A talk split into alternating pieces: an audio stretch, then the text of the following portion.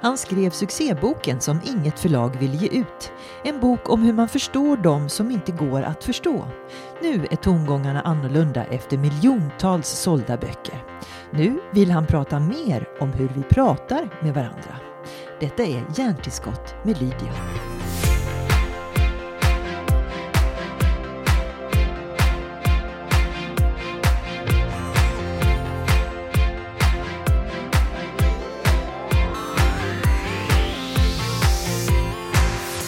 Thomas Eriksson, jag måste säga att eh, jag tycker att du har skrivit den bästa boktiteln jag någonsin har hört. Eh, och det är titeln Omgiven av idioter. Eh, Oj, ja, och du, därför att, och jag säger det därför att jag tror många med mig eh, tycker ibland att det är precis så det är faktiskt. Att vi är alla omgivna av idioter. Och sen inser jag, men jag kanske är en idiotmagnet.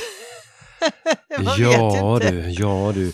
Alltså när, det här, när den här boken kom ut och jag fick ju mail till en början från människor som sa så här. Nej, vad dåligt, titta. Har vi inte kommit längre? Ska vi gå runt och kalla varandra för idioter 2014 när det här var? Det, det är dåligt.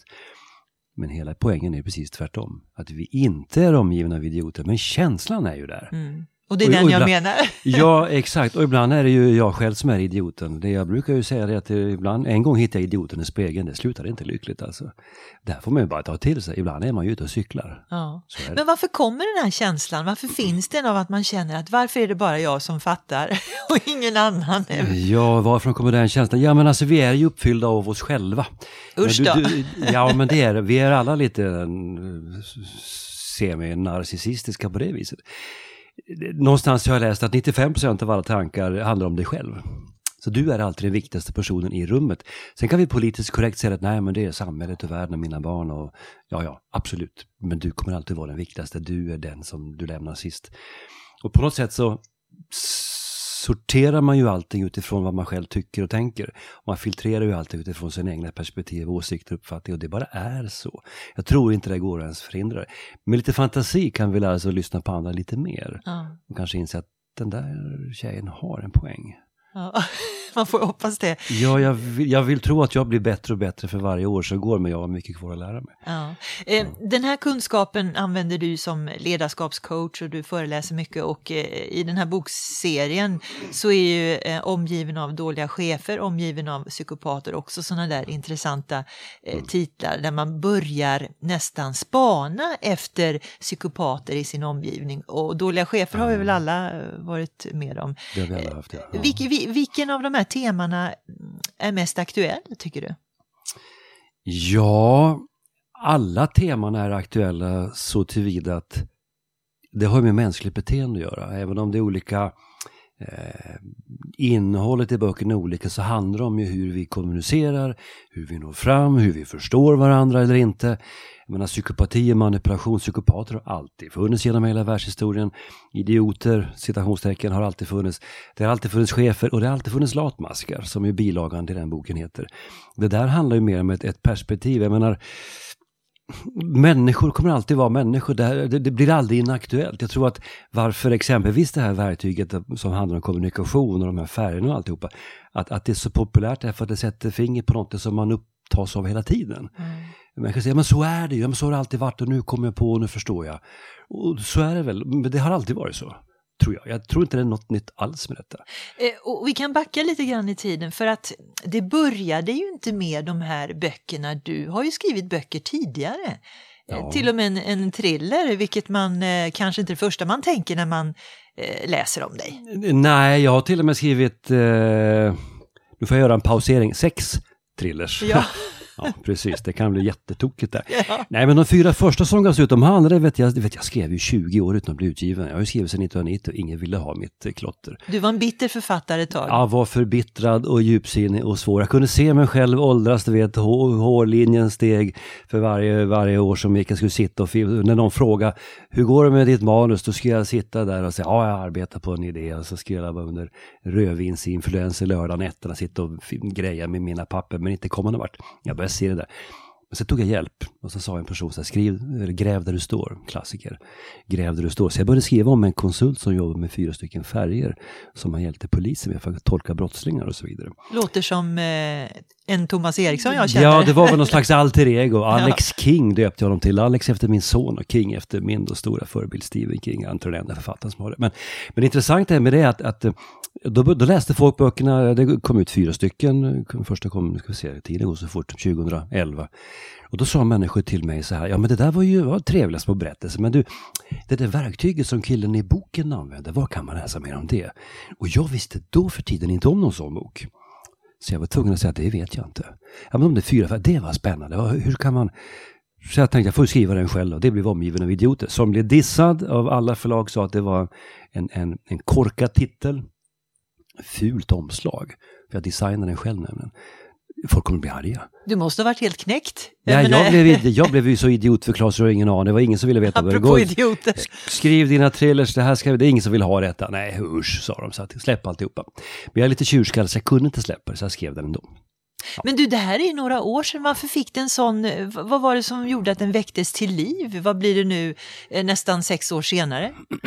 Ja, vad var det som, jag vet inte. Jag fick ju finansiera utgivningen själv för att ingen ville ha den där jäkla boken. Eh, jag hade inte råd med någon marknadsföring, det gick ju inte utan vi sålde in den till bokhandlarna och sen så, där låg den. Och det tog ett och ett halvt år innan det började hända, vad det var som gjorde det. Jag tror den uppnådde, jag tror att det var i mun mot mun-metoden, några stycken köpte den, tog en tid på sig, läste den, började prata med någon annan som tänkte ja men då ska jag också köpa den och läsa den. Och sen så uppnådde någon kritisk massa till slut och sen sa det bara boom. Mm. Sen kom pocketen och sa det boom. Ja, vi, vi, var många som bara stod och gapade och fattade inte. Jo, för jag har sett den på, på massa olika instanser eh, och, eh, och blev så fångad av titeln. Det var så jag eh, lärde mig mer om Thomas Eriksson. För jag undrar, vem är det som, vad är det för en idiot som Vad är det för en idiot? Vilken tomte det där måste vara. Ja, ja och, jag vet inte. Och, och så eh, fick jag ju lära mig om din personlighet och din profession och vad du håller på med. Men det var ju den som var vägen in till medvetandet om, om dig. Ja. Eh, okay. Ja, och jag vet inte om det är bra eller dåligt, men, men eh, så, som, så lustigt det kan vara med tanke på att du blev så refuserad en gång i tiden. Ja, ja, ingen ville ta en tre meters påläns. Nej, alltså jag vet inte. Du vet. Jag får ofta frågan, framförallt från andra författare, hur gjorde du? Hur gjorde du det där? Hade jag vetat det, vet du, då hade jag gjort det igen. Men det är ingen som kan förklara det här. Det, jag har skapat ett monster. Jag vet inte, människan verkar tycka om det även om den innehåller mycket förenklingar. Jag är ju tydlig med det där är förenklingar, men folk vill ha något, man vill ha någonting att luta sig ja. mot. Folk verkar tycka om att få prata om hur vi pratar. Mm. Någonstans så att, lyckades jag förslå någon ton som gjorde att människor orkade ta sig igenom, för den är mm. skriven väldigt lättsamt. Mm. Det men, men det du är väldigt bra på, du är bra på många saker, du är bra på att kommunicera kunskap. Och det är någonting som man eh, saknar, tror jag, även i vanliga livet, att tolka det komplicerad forskning säger mm. till vanliga dödliga. Nu fick ju du lite kritik också i samband med det här att ja men du är ju ingen forskare eller du har ju ingen belägg för det och det. Och det tycker jag personligen är lite tråkigt för att det är ju ändå det du säger som är det viktiga. Ehm, hur upplever du det? Ja, alltså det spelar ingen roll. Var det var... lite jantelag där kanske? Ja, vem är jag att tolka det? Man säljer en miljon böcker i lilla Sverige på kort tid så får man kritik. Det är fullt logiskt och jag har all respekt för de som har andra uppfattningar. Det spelar ju ingen roll för innehållet i boken, den beskriver ju ändå ett existerande verktyg. Jag har ju inte tittat på det själv utan jag beskriver hur den här modellen fungerar. Men, men när det kommer till vad du har för bak, alltså ditt etos är ju självfallet viktigt, jag inser ju det. Mitt etos, det vill säga som bärare av det här budskapet, så är det starkt för att få kan mer om den här modellen i det här landet än vad jag kan. Sen finns det andra modeller och andra sätt att se på det. Det viktiga för mig är inte vad man kan och vad man vet. Det viktiga är vad man gör av det. För det är bättre att använda en förenklad modell och försöka applicera den i vardagen än att gå åtta års psykologiutbildning men inte veta vad du ska ha det till. All respekt för psykologer, det är inte det jag pratar om. Och utbildning och forskare och allting. Fantastiskt, jag tror båda bitarna behövs. För att det är mitt syfte med, med det jag gör, det är att locka människor in i ämnet. Så att man säger, ja ah, men du det där var bra, jag vill läsa en bok till, absolut. Och så frågar de mig en boktips.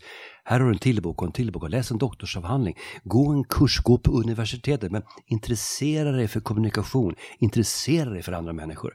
För du kommer inte undan. Enda gången du slipper interagera, det är om du ska göra en karriär som eremit, då slipper du. Mm. Men har du sett någon framgångsrik eremit någon gång? Eh, nej. Nej. Har du sett honom över? Nej. nej, jag har inte sett någon eremit. Nej, men och, och det där, för mig, jag är stolt över att så människor, många människor har tagit till sig och sagt att vi är nyfikna på detta. Och så är det ju verkligen, det är många som har eh, läst boken precis som du säger.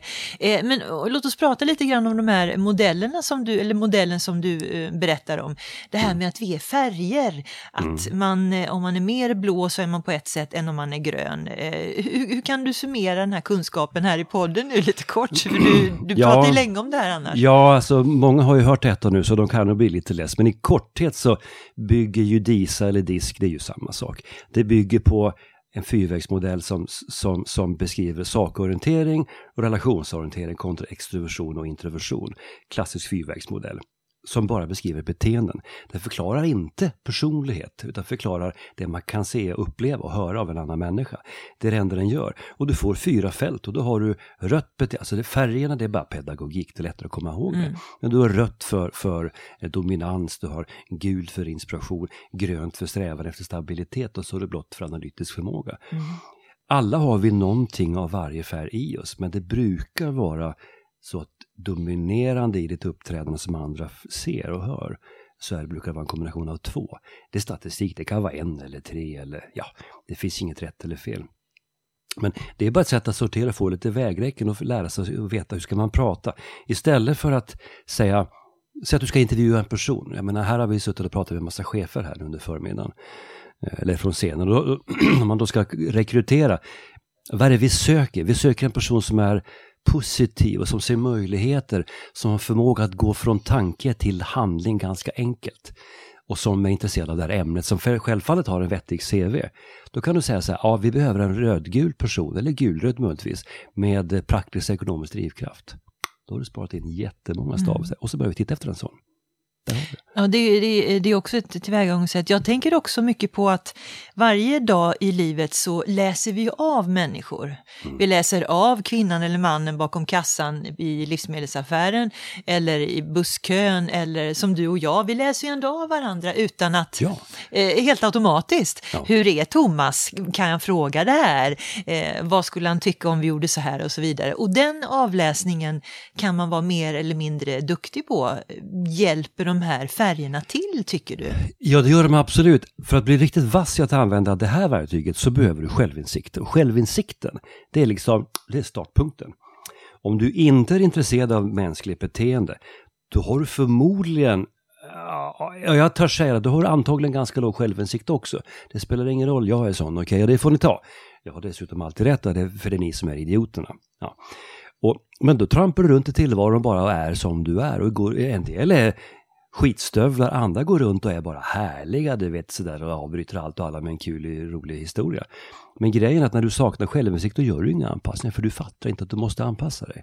Du förstår inte poängen med det och du har inte tänkt att andra tänker annorlunda. Det har inte Så var det när jag blev chef när jag var 24 år. Jag var ju en katastrof, för jag hade inte slagits av att, tänk inte du som jag. Du, två veckor sedan, då sitter jag och coachar vdn i ett stort företag. Vi pratar ett bolag som jag inte kan säga till namn, men de flesta kommer att säga, jaha, de ja. Då säger personen i fråga att man skulle bli 43 år gammal innan man kommer på att inte alla tänker som jag. Mm, det är ju sorgligt. Ja, jag började titta på mina skor och tänkte, oh, var börjar vi nu? Mm. Var vet- började ni? Ja, det, vi, vi har nog inte riktigt börjat än, är jag rädd. Men, men hela grejen, du behöver ändra ditt perspektiv. Du har inte alltid rätt. Du är inte rätt ute. Du är inte alltid fel ute heller, men vi måste prata om hur vi pratar. Det är det du kan ha ett sånt verktyg till. När vi ska möta nu de där borta, hon är väldigt, väldigt blå.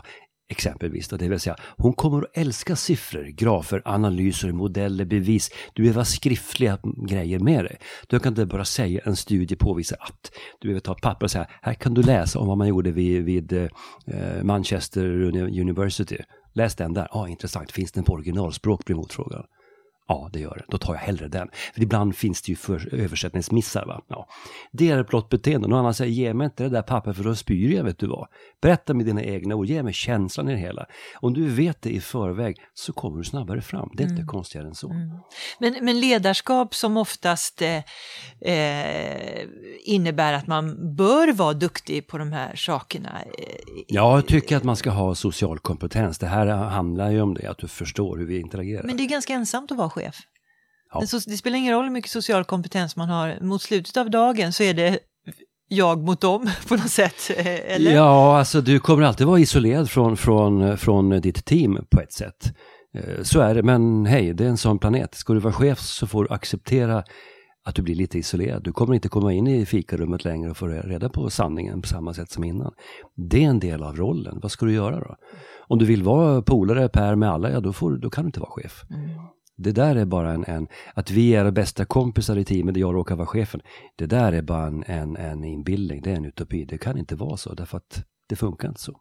Vi vet att du bestämmer över oss. Ja, det är lite så. Och därmed så tänker vi undanhålla dig från viss information. Det bara är så. Mm. Du får hitta dina polare någon annanstans. Ja, det spelar ingen roll med kommunik- kommunikationskurser och, och Nej, ledarkurser kan- man går. Det finns ju saker och ting man inte kan förändra. Nej, du kan inte förändra de här rollerna som finns. Du kan ju förändra hur du pratar med Ola och med, med Lydia och med alla. Liksom att, att du lättare når fram och pratar jobben, även snacka om vad gjorde du i helgen. Men det är ju en annan sak. Men att rollen innehåller en distansering från de andra, det kan du inte göra någonting åt. Nej. Men du, faktiskt. kan man lära sig det här med självinsikt? Ja, För jag menar, ibland... jag har gjort det. Ja, Jag har lärt mig extremt mycket om mig själv. Innebär- En del av det är riktigt smärtsamt. Vänta, vänta nu Thomas. När du säger Vi att kan du gå har... vidare här känner jag nu. Nästa du- fråga. När du säger att du har lärt dig väldigt mycket och fått väldigt mycket självinsikt, Ja. det måste innebära att du hade väldigt lite av den varan. Oh ja, självinsikt kunde jag nog inte riktigt stava till när jag var ung. Nej men alltså, jag, jag, jag skojar förut, mitt första chefsjobb som slutade med en dikeskörning av, av enorma mått. När jag gick till min chefschef och sa ta bort mig för att jag vet inte vad jag gör. Han skickade mig då till en, en, en, em, en HR-person, en personalvetare, som sa vi kanske skulle göra någon liten analys av dig så kan du få lite, grann, lite feedback. Vad säger du? Ska vi? För hon såg antagligen att den här grabben, han, han är, det, vad är det för Han är lost. han är låst överallt. Nej, och, så gjorde, och så fick jag just en diskanalys i handen där det stod hur jag uppfattades. Och det jobbiga med den var att det stod på de papperna det folk hade försökt att säga till mig i flera år. Men jag hade ju för fasen inte lyssnat på dem. Jag visste ju bäst, herregud. Det är klart, jag vet ju, jag är ju expert på mig va. Fast det var jag ju inte. Så när det står svart på vitt, du lyssnar inte, du avbryter, du gör putslustig på andras bekostnad, du tycker du är skitrolig men det är du inte. Det var, det gjorde ont. Men det var inte mindre sant bara för att det gjorde ont. Och det, fick, det gav mig en, inte en aha-upplevelse, det gav mig en, en åh nej-upplevelse. Jag har ju gjort allt det där, det är ju brutalt detta. Och mycket mer därtill. Nu blir Det satte mig på spåret. Ja, nu blir vi lite personliga här för, för em, jag tänker på den nya generationen man fostrar det här med självinsikt och så vidare. Kan man fostra barn till att få självinsikt tror du? Kan man fostra medarbetare till att få självinsikt? Eller måste man gå så här djuplodande analysverktyg? Finns det något quick fix? Du hör, jag är verkligen barn av min tid. Quick fix är... Gör det snabbt, gå vidare. Ja. Ja. alltså du kan göra en analys, den är inte så ljud, alltså det är inte så komplext. Om du gör en riskanalys eller en Myers-Briggs eller en, du använder Big Five eller någonting annat. Ingenting av att göra den, det är inte jättekomplext och sen får du feedback, sen får du ett dokument. Det är ett ganska enkelt sätt att, att få på papper, liksom hur ser vi dig? Mm. Men, men du kan också be om feedback. Men efter den där analysen, vad jag gjorde, jag gick runt med hoven och sa till alla som jag kände, hej vad tycker du om mig? Hur funkar det? Tycker du att jag lyssnar illa på dig? Hur är det nu? Och några var ju ärliga, det var ju flickvänner och föräldrar och syskon och arbetskamrater och chefer. De sa bara, nu ska du få höra. Vill du höra? Då ska du få höra. Och det var ju än mer de hade ju svår att, att pinpointa där och där och där. Där är ju ett verktyg, det hjälper ju till för det blir ju ganska straight to the point. Men när en person Det gäller, att orka, det gäller att orka komma upp efter det där också. Ja, alltså jag, jag fick ju inte bara negativ feedback. En del sa att vi gillar dig ändå. Men här har du lite, mör, lite vita fält i ditt medvetande. Ja. Du skulle kunna tänka annorlunda här. Och några var ju väldigt sny- snygga i sina formuleringar. Men, men det gav mig en, en, en insikt om att jag har inte den tydliga bilden av Thomas Eriksson som, som jag kanske trodde. Eh, och alla har vi vita fält. Det är mycket kring våra personligheter som vi inte fattar. Jag vet inte om någon känner sig själv till 100 procent. Jag tror inte det. Mm. Du, jag tänker, ehm, eh, det är väldigt intressant med personligheter och det, ibland är det väldigt svårt att ringa in personligheter. Vi pratade innan vi gick in i rummet kort om Greta Thunberg och hennes diagnos eh, Asperger. Eh, då säger du att du själv har två barn som har Asperger. Mm. Hur ehm, ska vi, nu plötsligt är det ett ord som många börjar bekanta sig med, med människor som är väldigt fokuserade och så vidare. Blir det här vanligare bland våra eh, på våra arbetsplatser? Eller är det mm. någonting som eh, nyupptäckt eh, begrepp tack vare att vissa fixstjärnor mm. dyker upp med den här diagnosen? Det var en lång krånglig fråga men du kanske förstår vad jag menar? Eh, ja, kanske gör jag det. Du vet, jag tror att, nu vill jag verkligen svara rätt här nu. Jag tror att dels så är det bra att vi kan sätta ord på sånt som vi har svårt att förstå. Jag menar, Asperger som exempel, det är en del av autismspektrat. Jag har själv fått utbilda mig i det, så jag känner mig rätt påläst faktiskt. Dessutom är det ärftligt. Så vem vet, har jag några procent? Det kan inte uteslutas, min fru säger det. Vad vet man? Men så det är bra att kunna förstå. Alltså det viktiga är att hitta förklaringar men inte värderingar. Att inte säga, det är något fel på dig. Vet du. Eh, ADHD är ju en annan diagnos och den har ju fullkomligt exploderat. Mm. Jag menar, nu ger man ju ADHD-diagnoser, 20% av kidsen i skolan får, jag menar, det är en frontallobsdisorder. Skulle det ha inträffat, det är ju inte möjligt. Har det gått mode i att sätta diagnoser på människor? Jag börjar oroa mig för det här. Eh, eller kan det vara bara så att min son som är en väldigt klok ung man, han säger så här, det här är nog bara en del av min personlighet, jag är nog sån här. Det tycker jag är ett otroligt sunt sätt att se på Ytterligare det. Ytterligare en färg kanske? Ja, kanske det, vad vet jag. Eh, jag menar, diskprofilen har sina fel, alltså den har sina brister, definitivt. Den täcker inte allting och jag är supertydlig. Den förklarar en del saker, annat kan den inte förklara. Vi har inga modeller som täcker allting. Det, det är liksom tjusningen med hur vi människor är konstruerade. Tror Men tror du de här diagnoserna som vissa får, är de mer till nytta för individen själv eller mer till nytta för oss som lever med dem? Det, det finns ju en distinktion. Ja, det är väl en kombination. Jag menar om jag tar i, i eh, i mina barns fall, nu jag är inte hundra procent säker på huruvida de vill vad jag säger här, men, men, men grejen, alltså det, det, är ingen av dem som har dolt någonting av det här, men grejen att vad de sa var att ah, men det är ändå skönt att förstå. Det är skönt att det är inget fel på mig, jag råkar ha det här. Mm. Och det är inget problem, de har ju, de har ju sån väldig självinsikt så du skulle aldrig märka någonting. Va? Mm. Du skulle, Nej, de är otroligt socialt kompetenta och trevliga och, och, och, vad heter det, eh, älskvärda och allting. Du skulle aldrig märka någonting. Men de vet att ibland så tänker de, lite annorlunda och ser lite annorlunda på saker. Och de har ruskiga kompetenser på andra områden som folk missar. De har sjuk förmåga att fokusera på sånt som de verkligen vill bli bra på, som, som, som jag önskar att jag hade. Mm. Det är det som, som är spännande en, tycker jag. Ja, för det tillför saker som man kanske inte ser, men jag menar, Einstein hade Asperger säger man. Mm. Det var därför han orkade knöla i 20 år och bevisa sin relativitetsteori. Mm den uthålligheten, det är knappt någon som har det, men har du Asperger så har du det. Men Thomas, det här hänger faktiskt ihop med allt vi pratar om, för jag tror du sa så här, är det här nu eh, på modet att man ska eh, se vem som har diagnos eller inte? det här har ju väckt en nyfikenhet på våra personligheter. Det har väckt ja. en nyfikenhet. Jag vill själv gå och testa mig för allt möjligt nu, för det kanske förklarar också beteenden och eh, familjekonstellationer. Nyfikenheten upplever jag har blivit större kring våra personligheter just för att mm. kommunikationen Eh, inte, du får hosta hur mycket du vill. Eh, för kommunikationen kräver att vi vet vilka vi är när tiden är för kort av olika anledningar. Ja, alltså det, det, det, är ett bra synsätt. Jag kan köpa det, den, den beskrivningen. Alltså vi har alltid varit olika, vi har alltid varit, numera är det ju, jag menar för, eh, vadå, 30 år sedan, 20 år sedan, det var ju inte okej att prata om vad som skedde mellan öronen. Nej. Och ja, det kan, vi kan ju prata om Asperger eller ADHD eller rött beteende eller grönt beteende och så kan vi prata om psykiska störningar. Mm. Numera kan man ju säga, ja, jag har lidit av lite paranoia eller jag är lite schizoid eller jag, har, jag, har, jag är bipolär. Det kan du ju säga idag. Det är inte så många decennier som, som antingen ett låste de in eller två så blev du liksom mm. stigmatiserad fullständigt. Men är inte det befriande? Ja, är det underbart? Det, det är ju jättebra. Så länge vi inte värderar det och säger mm. akta dig för honom för det är någonting med honom, vet, han mm. har det här och det här, det kommer inte att funka. Mm. För när man börjar värdera alla de här grejerna, det är då det blir fel. Mm.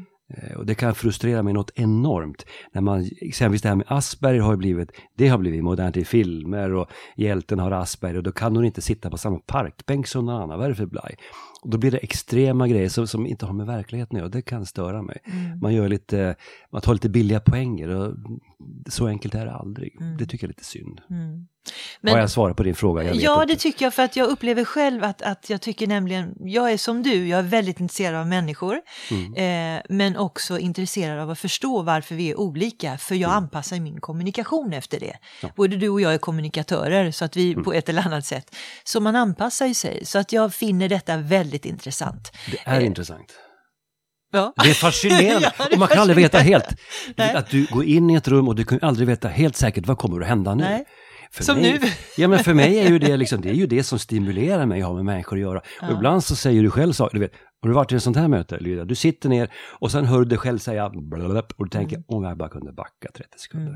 Varför sa jag det här? Alltså det är ju spännande. Det var ju synd, men det är ju spännande. Jag trodde ett tag, det här är intressant, jag trodde ett tag att jag hade en släng av Tourette. Aha. För jag insåg i rummet vad man inte ville prata om. Sen om det var bra eller dåligt var en annan femma.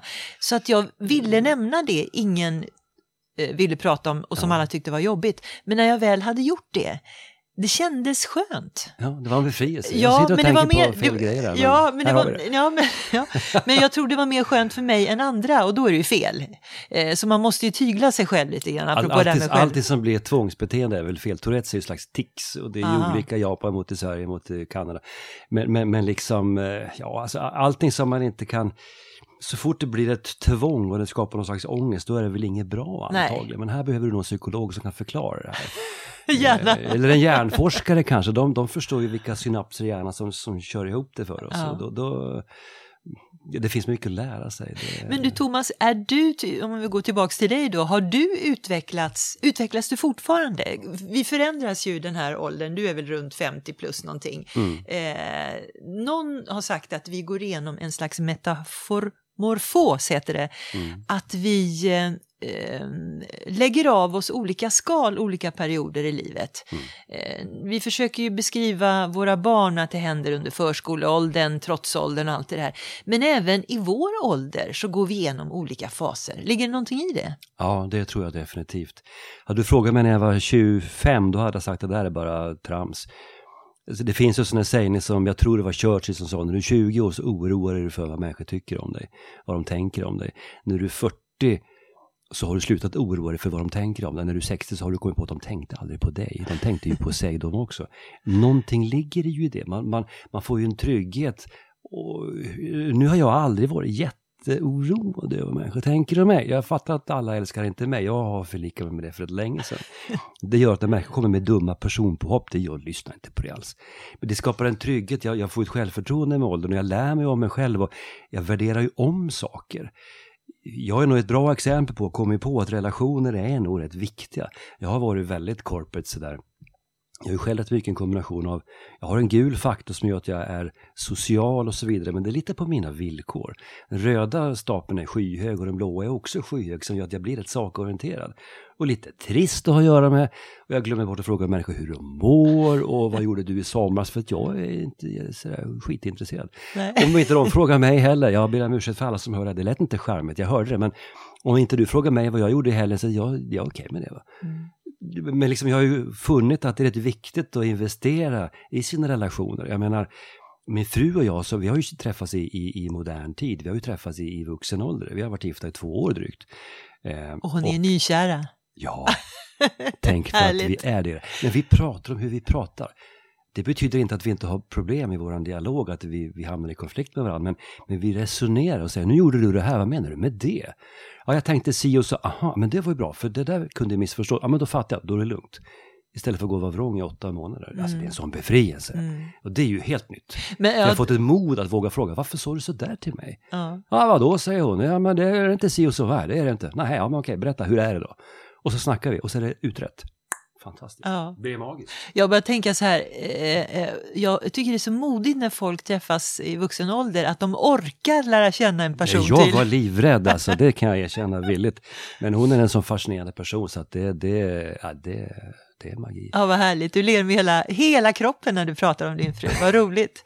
Du, jag tänkte så här när jag var inne och tittade på din hemsida Ja. eh, så eh, läste jag lite grann om böckerna och så står det plötsligt eh, om, eh, om en av boken en av böckerna där att man kan ladda ner vissa sidor. Så. Två sidor har tyvärr fallit bort från den första upplagan.